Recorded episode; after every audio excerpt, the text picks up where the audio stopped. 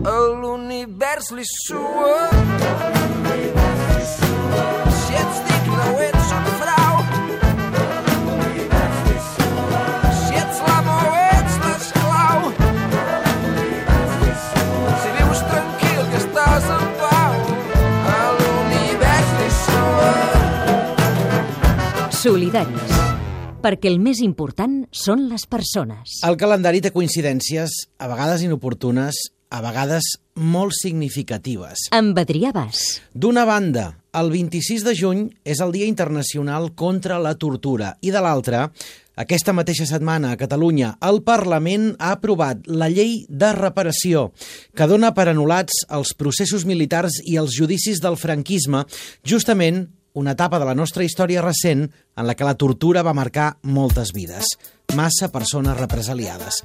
Coincidències del calendari que serveixen per obrir avui els solidaris. I comencem amb el comentari dels que més en saben, el periodista i portaveu d'Amnistia Internacional a Catalunya, Dani Vilaró.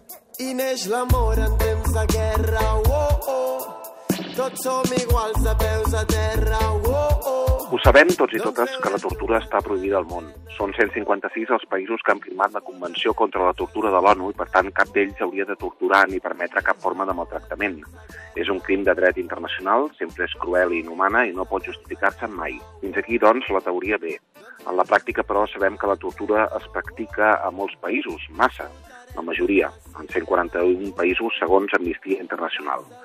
Quin és el problema, doncs? Que la tortura sol tenir lloc en la foscor, que molts governs dediquen més esforç a negar o a encobrir les tortures que no pas a investigar les denúncies i perseguir-ne els responsables. En gran part del món, els torturadors actuen sense por a ser detinguts, perseguits o castigats. És aquesta impunitat la que en la pràctica fa que la tortura es perpetui i que les persones que la pateixen o l'han patit quedin desemparades i abandonades. El millor seria prevenir-la, que no passés, i fer-la visible, arrencar-la de la zona d'ombres on sol operar. Es pot acabar, per exemple, amb una figura terrible, la incomunicació de persones detingudes. L'altre dia llegia a VilaWeb l'entrevista a Ramon Piqué, president de l'Associació Memòria contra la Tortura. Ell parlava de la coneguda Operació Garzón, quan una quarantena d'independentistes catalans van ser detinguts l'estiu del 92, tot just fa 25 anys.